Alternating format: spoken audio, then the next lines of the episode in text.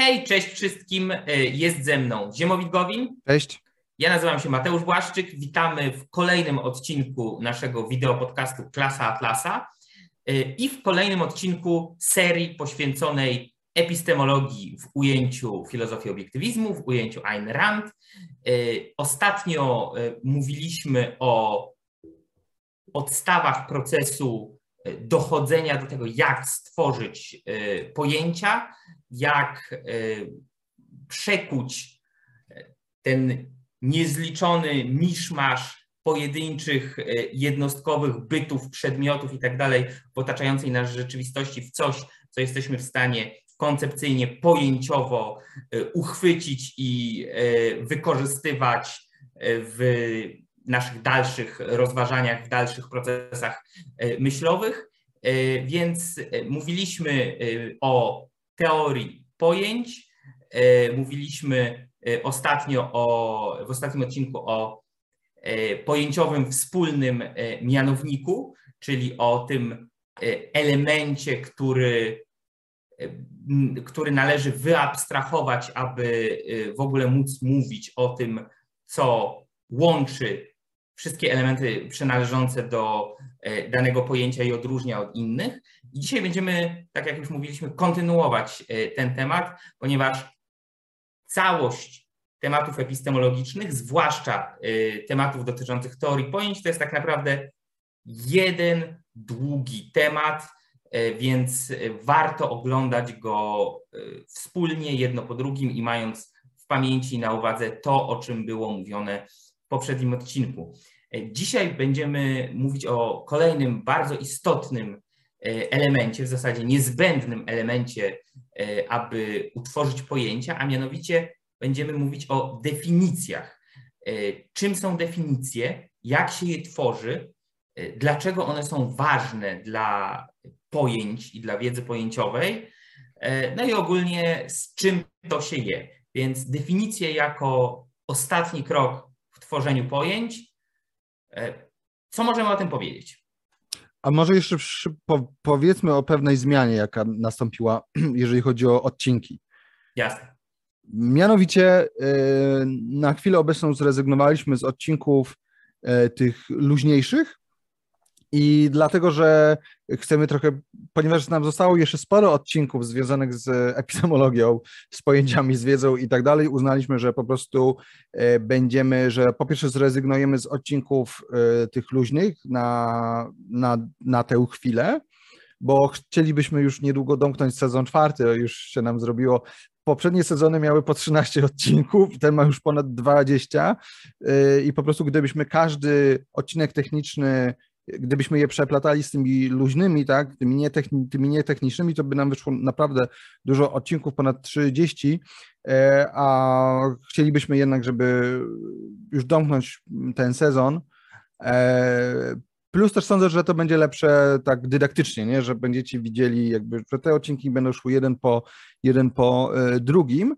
I oprócz tego, że zrezygnujemy z odcinków nietechnicznych, będziemy wrzucać po raz pierwszy dwa odcinki w tygodniu. Zgadzasz się, Mateusz? Tak, tak, jak najbardziej. Także e, no, dla tych, którzy chcą zobaczyć całość tego tematu dotyczącego teorii pojęć, e, no myślę, że jest to dobra wiadomość, bo będziecie po prostu dostawać kolejny content e, szybciej i w krótszych odstępach czasowych. Zobaczymy, jak to wyjdzie, ale na chwilę obecną taki jest plan. E, wobec czego myślę, że bez dłuższego wstępu możemy przejść do tematu dzisiejszego odcinka, czyli definicji. Tak, y, więc tak jak Mateusz już powiedział, y, definicja, tworzenie definicji to jest, wiąże się z procesem tworzenia pojęć. Z punktu widzenia obiektywizmu to jest właśnie ten ostatni krok w tworzeniu pojęć. E, no i definicje dotyczą wszystkich pojęć poza pojęciami aksjomatycznymi. E, dlaczego, mówiąc w skrócie, dlatego, że pojęcia aksjomatyczne e, są definiowane ostensywnie przez wskazanie. E, jeszcze o definicjach ostensywnych coś dzisiaj powiemy. Natomiast w ogóle, dlaczego definicje są istotne? Zacznijmy od tego, że czemu służą pojęcia? One są swego rodzaju narzędziem poznania. Żeby były tym narzędziem poznania, tak poznania rzeczywistości, to muszą być z tą rzeczywistością związane. Y, I nie mogą być tak zwanymi unoszącymi się abstrakcjami. To jest taki termin, który Rand wprowadziła po angielsku, brzmi on floating abstractions, tak? czyli pływające abstrakcje, nie? Tak możecie sobie myśleć o tym, jak, jak, jak, jak takie abstrakcje, takie pojęcia, które gdzieś tam sobie w chmurach e, latają e, i ona je używa wobec pojęć, które są oderwane od bytów, od e, rzeczywistości, E, I przede wszystkim wobec osób, które zapożyczają te pojęcia od innych ludzi, nie wiedząc do jakich jednostek, tak, jednostek miary te pojęcia się odnoszą. Czyli to może być tak, że jakieś pojęcie samo w sobie jest legitne, ale ktoś je zapożycza i tak naprawdę nie ma, nie ma skonkretyzowanego, do czego się to e, odnosi, tak? E, tłumaczy Leonard Pikow y, to w taki sposób. Unosząca się abstrakcja nie jest integracją faktualnych danych. To, zapamię to, to zapamiętany językowy nawyk reprezentujący w umyśle osoby siekaninę przypadkowych konkretów, przyzwyczajeń i, uczeń, i uczuć, które niepostrzeżenie mieszają się w inne siekaniny, będące treścią innych, podobnie unoszących się abstrakcji. Są papugowanymi imitacjami języka wspartymi fragmentami mgły. E, tak, czyli właśnie, że często jest tak, że, że jest jakieś pojęcie i my mamy takie mgliste nomen omen pojęcie na temat tego pojęcia. Wszędzie pojęcia.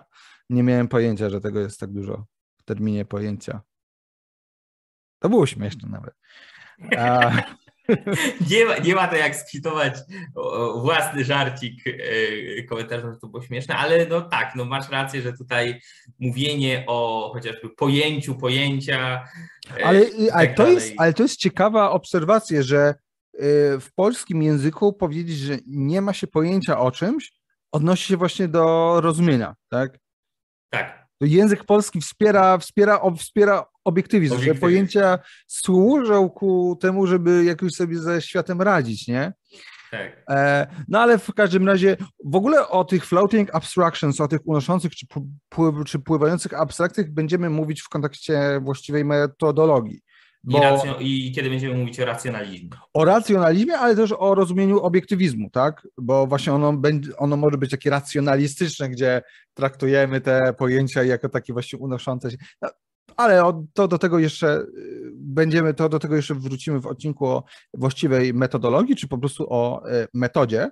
Tak. Y, ja, ja, bym, ja bym tu w największym skrócie to, co przed chwilą powiedziałeś, podsumował w ten sposób, że kiedy patrzymy na coś z perspektywy filozofii obiektywizmu, to bardzo ważne jest, że jedna rzecz wynika z drugiej, jest y, umieszczona w pewnym kontekście i dotyczy to y, także, a może przede wszystkim naszej wiedzy, jest umieszczona w pewnym kontekście i wynika z jakichś wcześniejszych elementów, które ostatecznie prowadzą y, do tych fundamentów, jakimi są elementy poznania zmysłowego, tak, jakimi są te tak zwane percepty, spostrzeżenia, to, co zapewniają nam e, nasze zmysły, na których dopiero później za pomocą logicznych procesów budowane są kolejne, kolejne etapy, aż do utworzenia pełnego pojęcia, włącznie z jego definicją.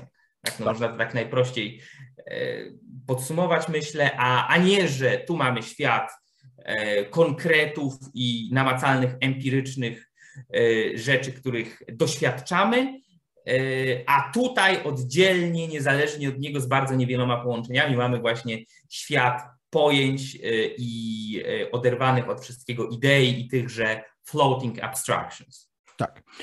No więc, tak jak już powiedziałem, pojęcia muszą być związane z rzeczywistością, tak? Odnosić się do rzeczywistości, ale muszą właśnie denotować jednostki, które się przez ten proces metodycznie odizolowało od wszystkich innych. Tak? To są te procesy, które tłumaczyliśmy w poprzednich e, odcinkach, tak? E, I podstawowa funkcja definicji zdaniem Rand to cytat. Oto odróżnienie pojęcia od wszystkich innych pojęć, a zatem utrzymanie jego jednostek, tak, czyli to, do czego tych jednostek, do których dane pojęcie się odnosi, jako odróżnionych od wszystkich innych bytów. Tak, to ma, to jest ta podstawowa funkcja defi, definicji.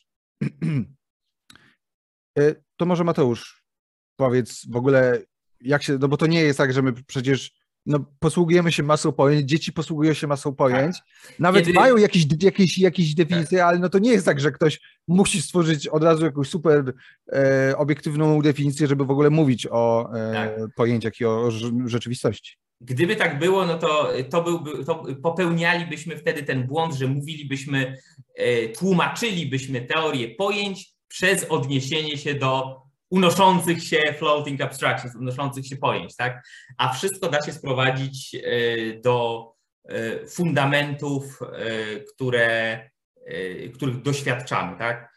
No swoją drogą to jest, zapomniałem jak to dokładnie brzmi po łacinie, ale to jest ten cytat często przytaczany przez obiektywistów ze świętego Tomasza Zakwinu, że nic w umyśle, nic w intelekcie, czego wcześniej nie było w zmysłach, tak?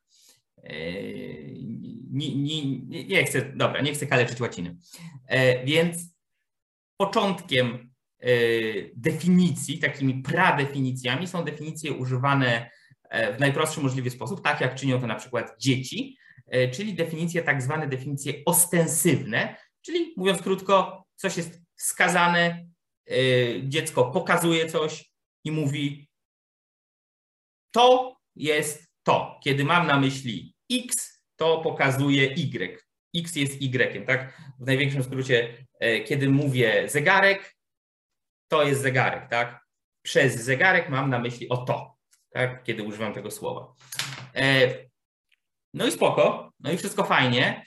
E, na, do pewnego poziomu te definicje mogą być wystarczające i są wręcz niezbędne na wczesnym etapie rozwoju intelektualnego, w tym rozwoju wiedzy pojęciowej u człowieka, no ale wiadomo, że na długo to nie może starczyć, ponieważ e, dochodzą nowe pojęcia, rzeczy bardziej abstrakcyjne, bardziej teoretyczne, e, rzeczy dotyczące nie namacalnych, materialnych konkretów ze świata fizycznego, tylko dotyczące na przykład naszej świadomości, jej procesów i tak więc potrzeba bardziej sformalizowanych, konkretnych definicji. Zresztą nawet rzeczy y, nieabstrakcyjne i nieteoretyczne, jak ten zegarek, też potrzebują definicji innej niż to jest zegarek, ponieważ wiemy, że zegarek może być zegarkiem stołowym, że zegarek może być zegarkiem elektrycznym, elektronicznym i tak dalej, i tak dalej, i tak dalej.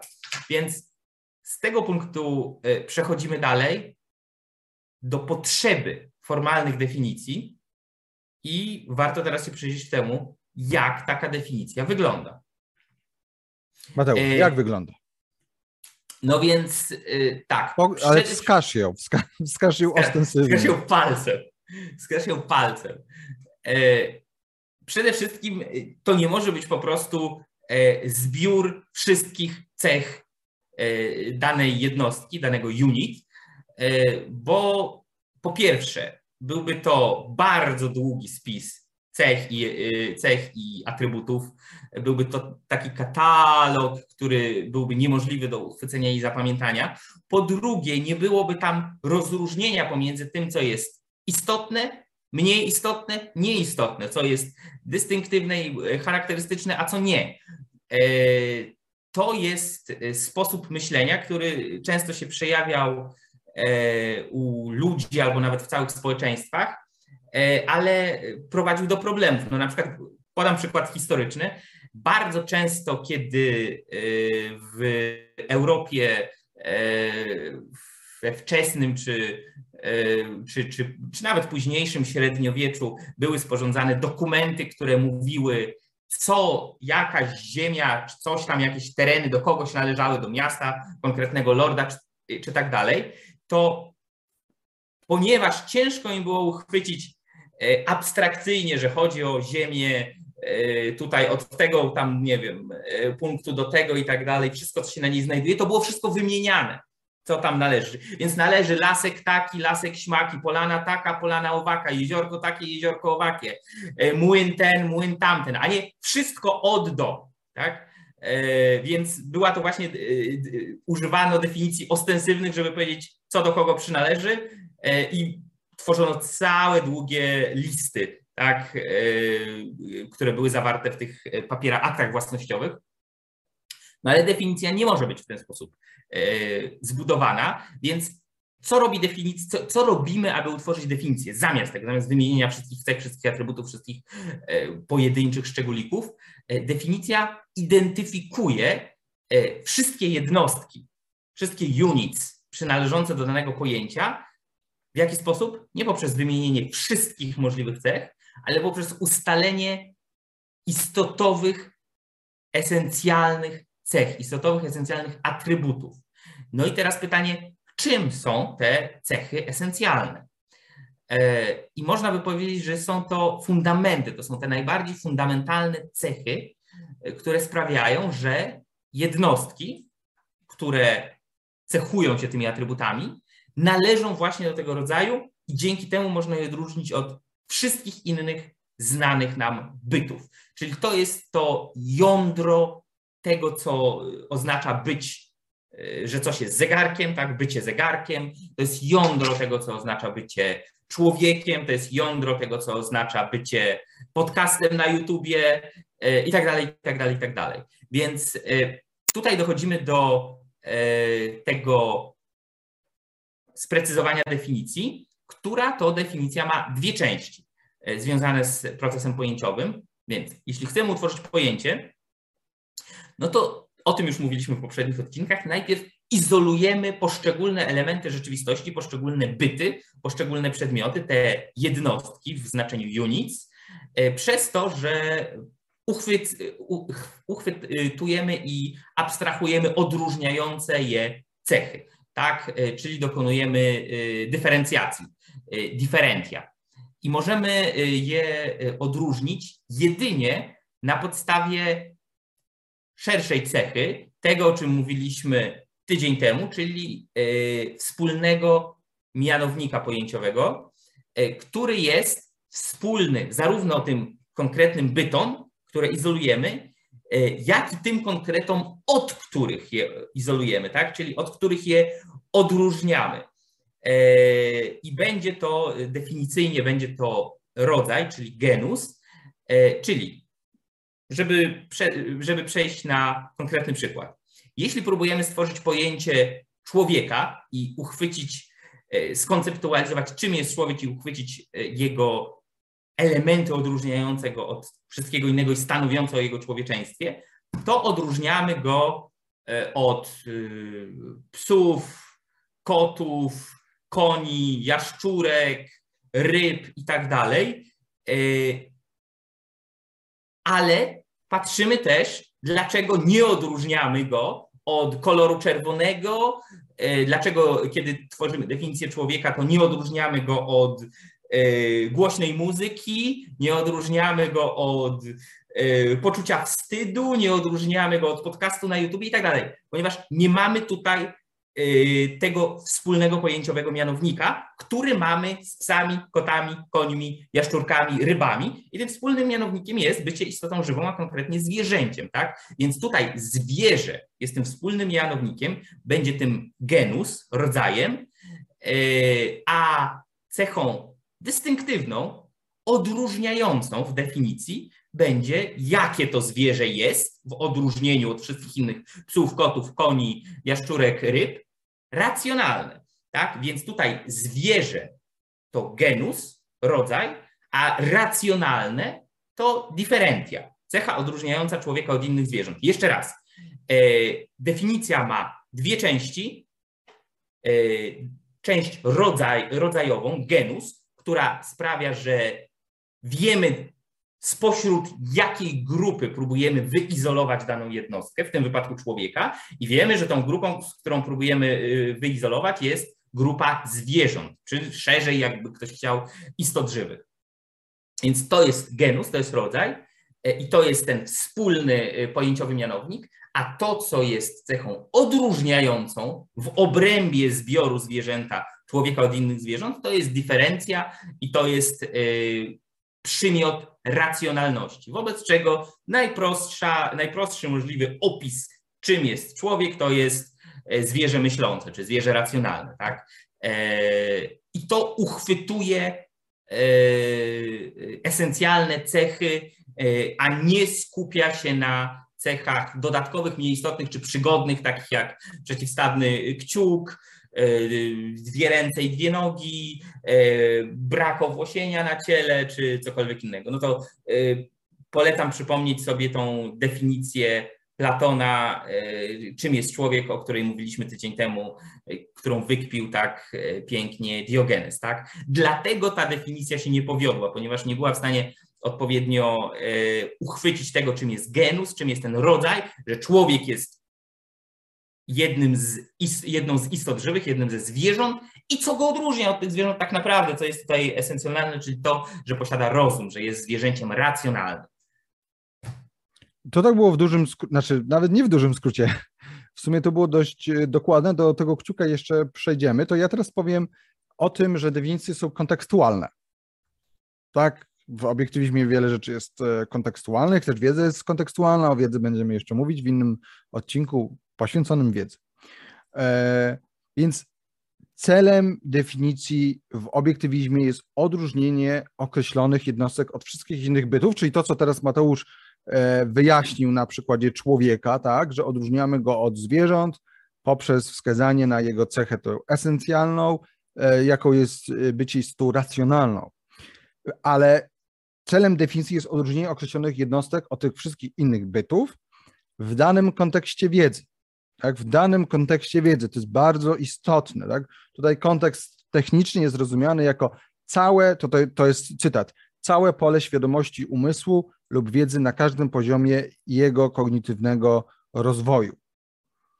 Y, I na początku, tak jak już powiedzieliśmy, proste definicje wystarczą, no ale potem już nie wystarczą. E, bo okazuje się, że dochodzą nowe przedmioty, które musimy zintegrować, od których musimy odróżnić te, które wcześniej już zintegrowaliśmy e, i tak dalej. Wtedy dana definicja, i to się dzieje bardzo e, często, będzie musiała zostać zrewidowana. Tak? Jak tłumaczy Pikow, cytat, nasza wiedza rośnie stopniowo. Na każdym stopniu organizujemy tylko te fakty, które są nam dostępne. Więc to jest naturalne, że E, dana definicja będzie odnosiła się siłą rzeczy do tych faktów, które są, które są nam znane.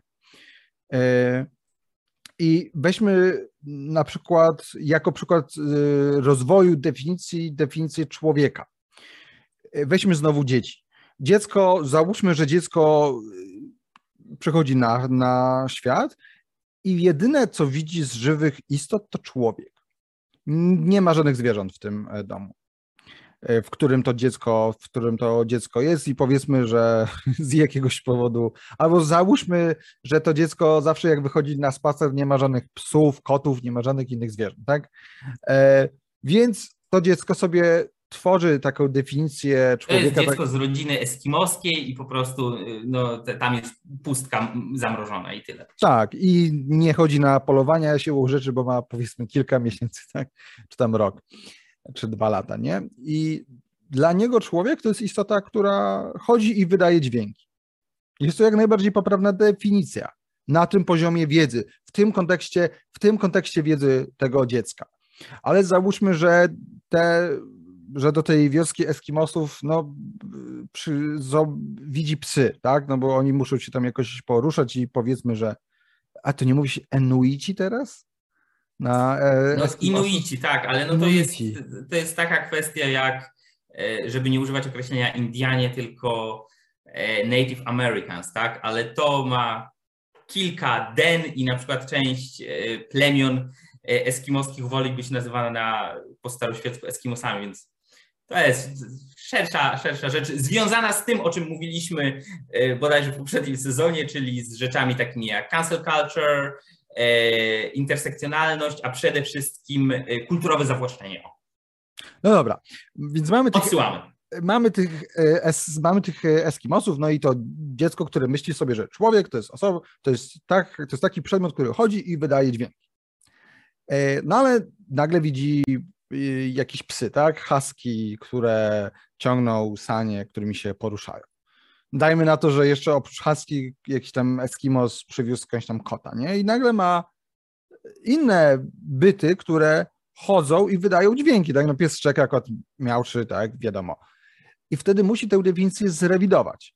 Czyli, że na przykład no, człowiek to jest taki, który powiedzmy chodzi na dwóch nogach, używa języka i tak dalej, i tak dalej. No i wiadomo, potem wraz z rozwojem, wraz z edukacją, e, to dziecko, no bo to dziecko musi jakby odróżnić wtedy człowieka od innych bytów, które robią to samo, co on, czyli poruszają się i wydają dźwięki. Tak? Więc robi to za pomocą kolejnych dystynktywnych w tym kontekście cech, no aż w końcu dochodzi gdzie, gdzieś tam, no, y, albo samo trafia na tę definicję, albo po prostu y, ktoś mu ją przedstawia, no, że człowiek to jest takie zwierzę, które jest racjonalne, a które posiada rozum. To jest zresztą akurat jeden z niewielu definicji takich, na pewno ona jest kontestowana przez wielu, ale generalnie jest mocny konsensus w filozofii, tak? Człowiek jest substancją rozumną, tak? Osoba jest substancją rozumną, jak święty, jak Boec już z Dacji, nie wiem, czy on był święty, ale jak Boec już z Dacji przedstawia taką definicję, bodajże w IX wieku. Dobra, nie, już nie pamiętam, ja to miałem 10 lat temu na studiach. W każdym razie to dziecko jakby, to jest przykład, w jaki sposób e, definicja w umyśle danej osoby, tak dziecka może się rozwijać, może, może i musi. E, natomiast to, co jest istotne, to to, że ta zrewidowana definicja nie stoi w sprzeczności z tą definicją poprzednią. Tak? Czyli fakty rozpoznane w tej poprzedniej definicji dalej są faktami. Dalej człowiek chodzi i wydaje, e, porusza się i wydaje, i wydaje e, dźwięki. To, co się zmienia, to fakt, że czyjeś pole wiedzy się rozszerza, tak? I to, że poprzednie, no i też się zmienia to, że poprzednie fakty już dłużej nie służą do odróżnienia jednostek bo już nie mogę odróżnić człowieka przez to, że on się porusza i wydaje dźwięki, bo też inne przedmioty, które nie są człowiekiem, też się poruszają i wydają dźwięki. E, więc ta nowa definicja udoskonala lub dopracowuje to rozróżnienie zgodnie z tymi wymogami rozszerzającego się kognitywnego kontekstu, tak? Ten kognitywny kontekst dziecka się zmienia. Są nowe przedmioty, które on musi odróżnić od w tym wypadku e, człowieka. A zatem dochodzimy do e, obiektywnych definicji, tak, do pojęcia obiektywnych definicji. Czym jest definicja obiektywna? No bo mogą być różne, tak, są ostensywne, są definicje, wiadomo, które są e, niedoskonałe na potrzeby rozwoju człowieka, jak jest młody.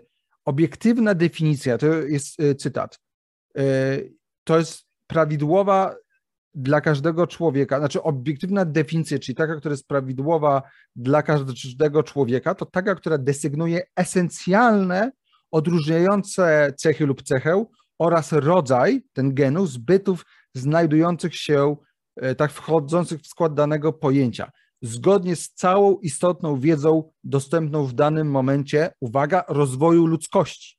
Więc tu już mamy odniesienie się nie do tej jednej osoby, tak, tylko do całej ludzkości. Tak, biorąc pod uwagę e, rozwój ludzkości, rozwój wiedzy i tak dalej.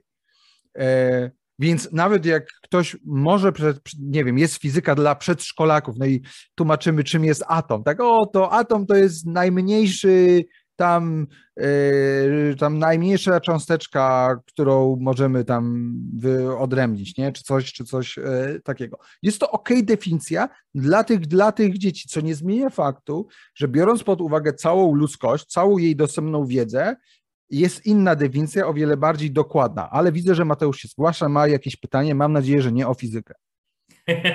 o, to by było ciekawe. E, nie, nie, nie mam pytania o fizykę. Mam e, dwie takie e, uwagi, jakby, które często robię, że ja po prostu rzucam coś, żeby mocno podkreślić to, co już Ziemowit pięknie wcześniej wytłumaczył. Tutaj dwie rzeczy ja bym zwrócił uwagę, żeby, że warto na to spojrzeć i zapamiętać, że po pierwsze rozwój tych definicji i doprecyzowywanie na takiej zasadzie, o jakiej mówił Ziemowit, to nie, to nie oznacza, że poprzednie definicje były błędne czy fałszywe, tylko że te inkorporują nową wiedzę, którą y, człowiek, y, którą człowiek poznaje i poszerzają albo doprecyzowują y, tamtą definicję. Natomiast może istnieć coś takiego jak źle utworzona definicja, od początku do końca, która nie jest wynikiem tego, że no jeszcze tyle człowiek nie mógł wiedzieć, tylko popełnił błąd świadomy albo nieświadomy już na poziomie tworzenia danego pojęcia i ona nie jest, to nie jest definicja, którą można później poszerzać, rozbudowywać, doprecyzowywać, tylko to jest definicja, która należy zrewidować, bo jest błędna. To jest jedna rzecz, a druga rzecz a propos tego poziomu rozwoju ludzkości, to chciałem tylko dodać, że tak jak podałeś Ziemowit przykład rozwoju definicji u dzieci, tak jak to dziecko eskimoskie, które mówi człowiek, to jest coś, co się porusza i mówi, później to jest coś, co się porusza i mówi i chodzi na dwóch nogach i tak dalej, i tak dalej. I ta liczba cech dystynktywnych rośnie. To w ten sposób można też spojrzeć na E, całe wielkie gałęzie nauki albo definicje naukowe e, jako takie w szerokim, w szerokim kontekście, już nie pojedynczego człowieka czy dziecka, tylko w kontekście całej nauki.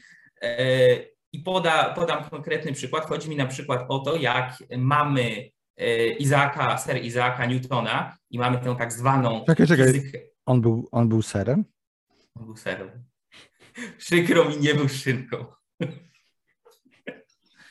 Bo my jesteśmy bardziej, bardziej susi niż Sahara po globalnym ociepleniu, naprawdę. Um, tak, ale ja słyszałem, że teraz się tak to wszystko zmienia, że Sahara niedługo będzie tropikiem. Okej. Okej, okay. no generalnie w tej chwili w Polsce podoba mi się, że jest ładnie ciepło, więc. No nie wiem, jest dla mnie akurat mam wrażenie, że ten maj był dość zimny. To ostatnio jest e, ciepło. No ostatnie te dni, no. Zobaczymy, jak będzie potem. E, wracając do e, Newtona. I do Sera. E, I do Sera. E, Newton stworzył całą koncepcję, e, którą dzisiaj określamy jako fizyka newtonowska, tak? E, wszystkie tam podstawowe zasady, jak te klocuszki w mechanice świata działają. No ale i ona była traktowana jako zasadna, właściwa i tak dalej przez wieki.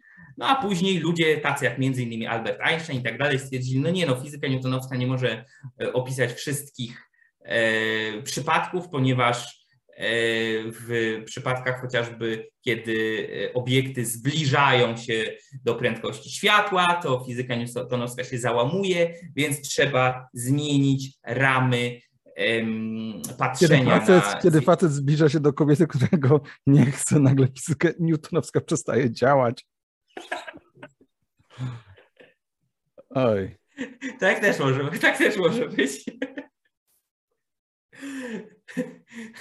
I e, jakby chodzi mi o to, że powstanie fizyki einsteinowskiej, post-einsteinowskiej i dzisiejszej nie sprawiło, że fizyka newtonowska jest błędna i że to, co mówił Newton jest błędne. Nie, po prostu okazuje się, że to, o czym on mówił, dotyczy pewnych konkretnych przypadków w obrębie szerszych ram, które nazwijmy sobie no, fizyką einsteinowską, e, ale jak najbardziej te, te ramy, w, w tych ramach konkretnych zasady fizyki Newtona działają, tak? Są przypadki, kiedy nie działają, bo po prostu no, wychodzą zdecydowanie poza ramy tego, co Newton mógł i chciał i miał możliwość opisać, ale to nie jest tak, że nagle Newton do kosza, tak?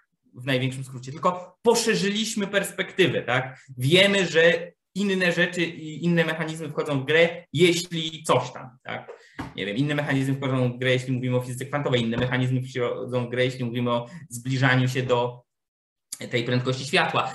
I wszystko to zostało ujęte w ramach, albo przynajmniej próbowano ująć w ramach szerszej teorii, której fizyka newtonowska byłaby pewnym, drobnym, szczególnym przypadkiem.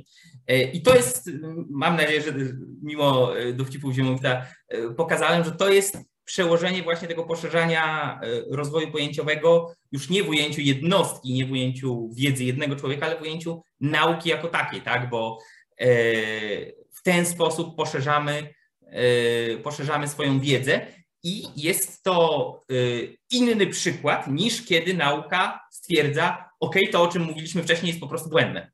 Tak? Poprzedni naukowcy, poprzedni badacze, ktokolwiek popełnili błąd. Na przykład flogiston. Na przykład flogiston, tak, teoria flogistonu, tak? Ona nie jest prawdziwa, to nie jest coś, co możemy inkorporować w obręb naszej wiedzy o wszechświecie, tylko to jest coś, no była to pewna teoria, jej autorzy twierdzili, że sprawdza się w takich czy innych warunkach, ale no potem się okazało, że jednak nie. No przykłady można by tu mnożyć, tak, no Innym przy, przypadkiem jest na przykład jak Kopernik powiedział, że w centrum Układu Słonecznego jest Słońce, a nie Ziemia, tak, bo, to, bo to wiadomo, no Ziemia jest płaska. Ziemo. I na grzbiecie czterech słoni, które stoją na grzbiecie żółwia, a potem są już żółwie aż do końca. A żółw jest foliarzem. A żółw jest foliarzem. Bo jest żółw, żółwica, żółw, żółwica, no bo muszą się jakoś rozmnażać, nie? I wtedy mamy trzęsienia ziemi. To dlatego wszechświat się e, poszerza, bo jest coraz więcej żółwi i przesuwają granice. Dokładnie tak. Dokładnie tak.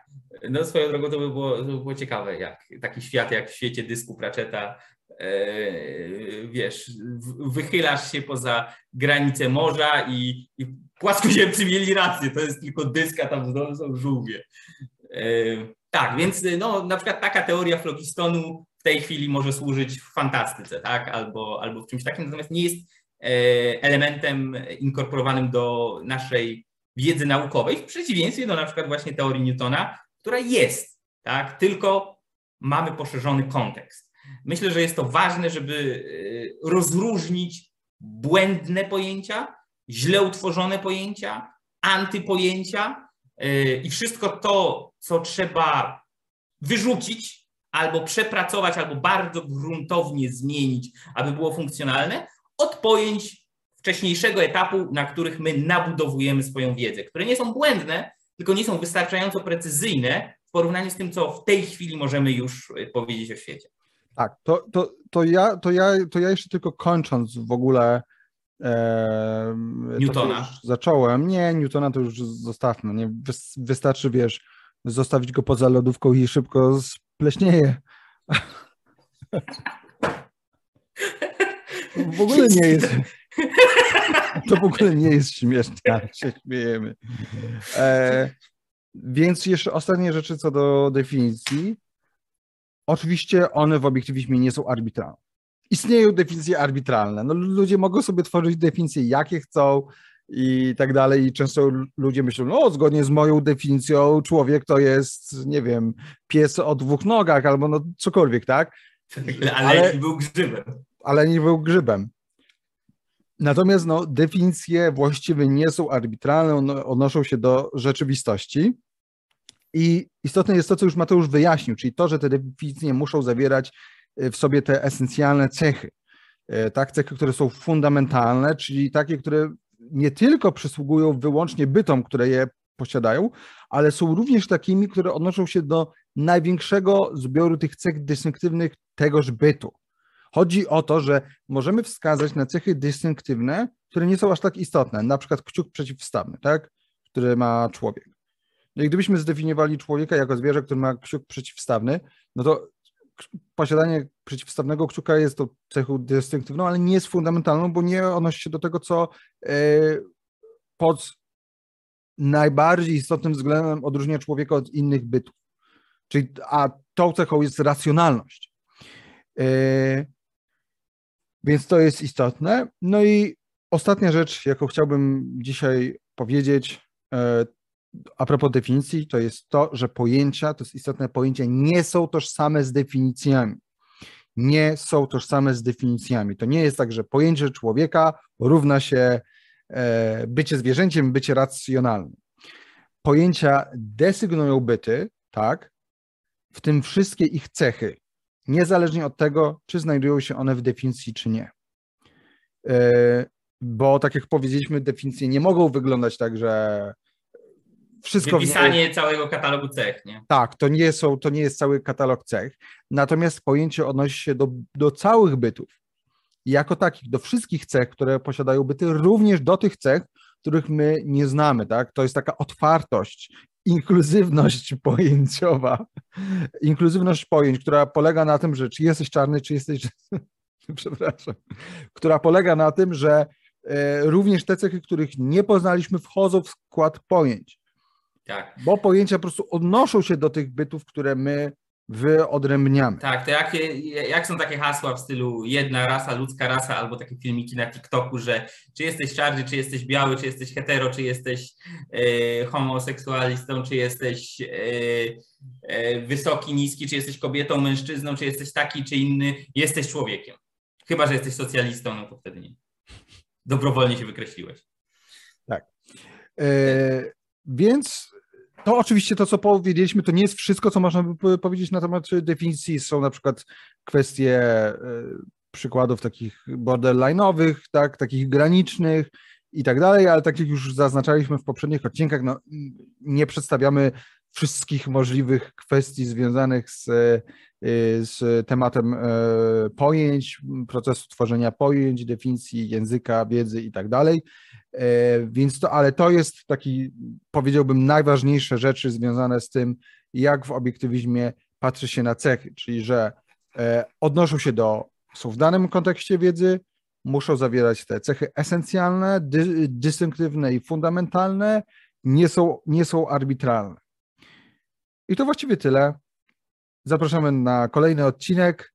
Mateusz Błaszczyk i Ziemowit Gowin. Cześć. Trzymajcie się.